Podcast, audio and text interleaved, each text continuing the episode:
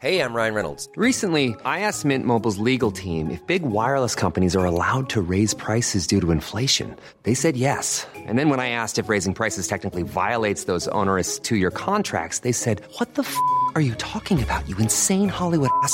F- So to recap, we're cutting the price of Mint Unlimited from $30 a month to just $15 a month. Give it a try at mintmobile.com slash switch. $45 upfront for three months plus taxes and fees. Promo rate for new customers for limited time. Unlimited more than 40 gigabytes per month. Slows. Full terms at mintmobile.com. Hello and welcome to Technology Trends, the series that takes an enthusiastic but also critical look at how technology and digitalization are changing and affecting our lives and businesses.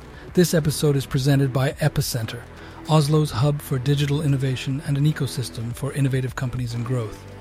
Visit epicenteroslo.com and become a member too.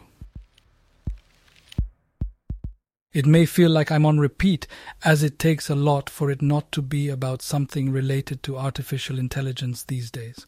This time is no exception. And while there has been a lot of talk about generative artificial intelligence, and perhaps most of all about the generative pre trained transformer led by uh, ChatGPT from OpenAI, we will now talk about generative adversarial networks. Until recently, completely unknown to me.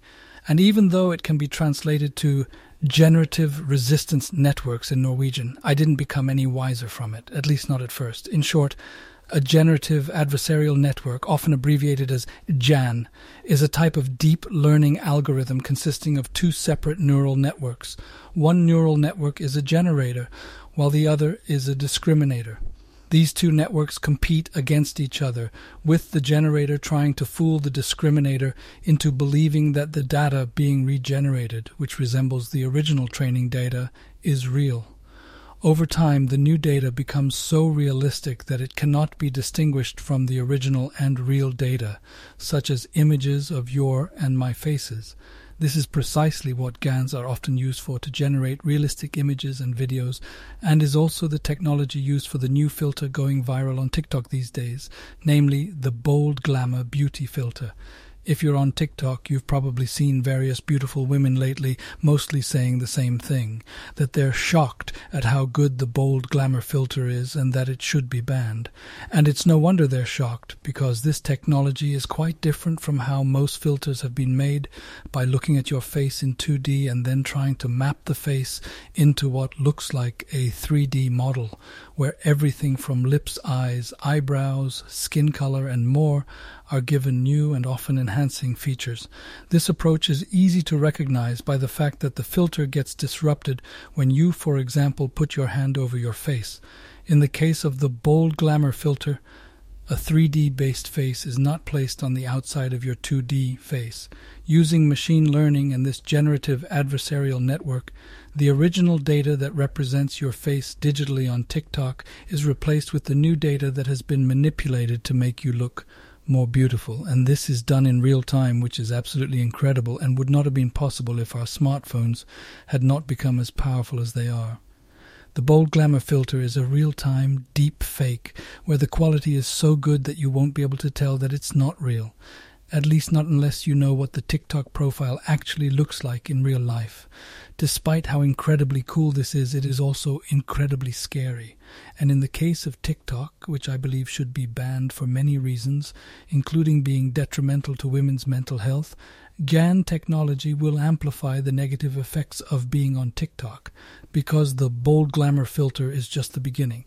A beginning where not only does technology enhance or expand reality, but it replaces reality.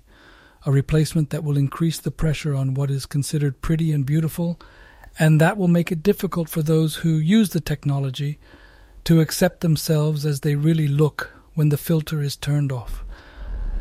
A study conducted by researchers at City University in London in 2021 that examined the social effects of filters found that 94% of female users felt pressure to look a certain way, while 90% admitted to using filters or otherwise editing their photos. It is not very controversial to assume that GAN technology will only increase the mental damage that comes from unrealistic expectations that young women, in particular, have for their appearance and their own body. In a 2017 study conducted by Cognitive Research, it was found that users did not detect that an image had been manipulated in 30 to 40% of cases. With GAN technology, the percentage could quickly grow to 100% unless you know what the person actually looks like in real life. Today's beauty filters have long contributed to young girls in particular struggling with their own self image. The Wall Street Journal revealed a few years ago that Meta was aware that more than 30% of teenage girls who used Instagram had a higher degree of anxiety and depression.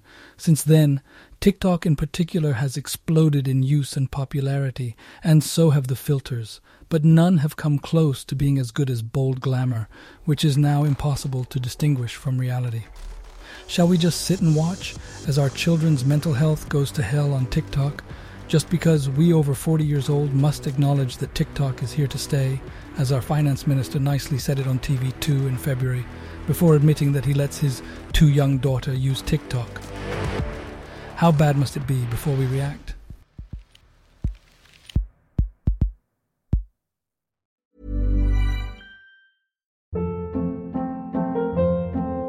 Hold up. What was that? Boring. No flavor. That was as bad as those leftovers you ate all week. Keke Palmer here, and it's time to say hello to something fresh and guilt-free. Hello Fresh. Jazz up dinner with pecan-crusted chicken or garlic butter shrimp scampi. Now that's music to my mouth. Hello Fresh. Let's get this dinner party started. Discover all the delicious possibilities at hellofresh.com.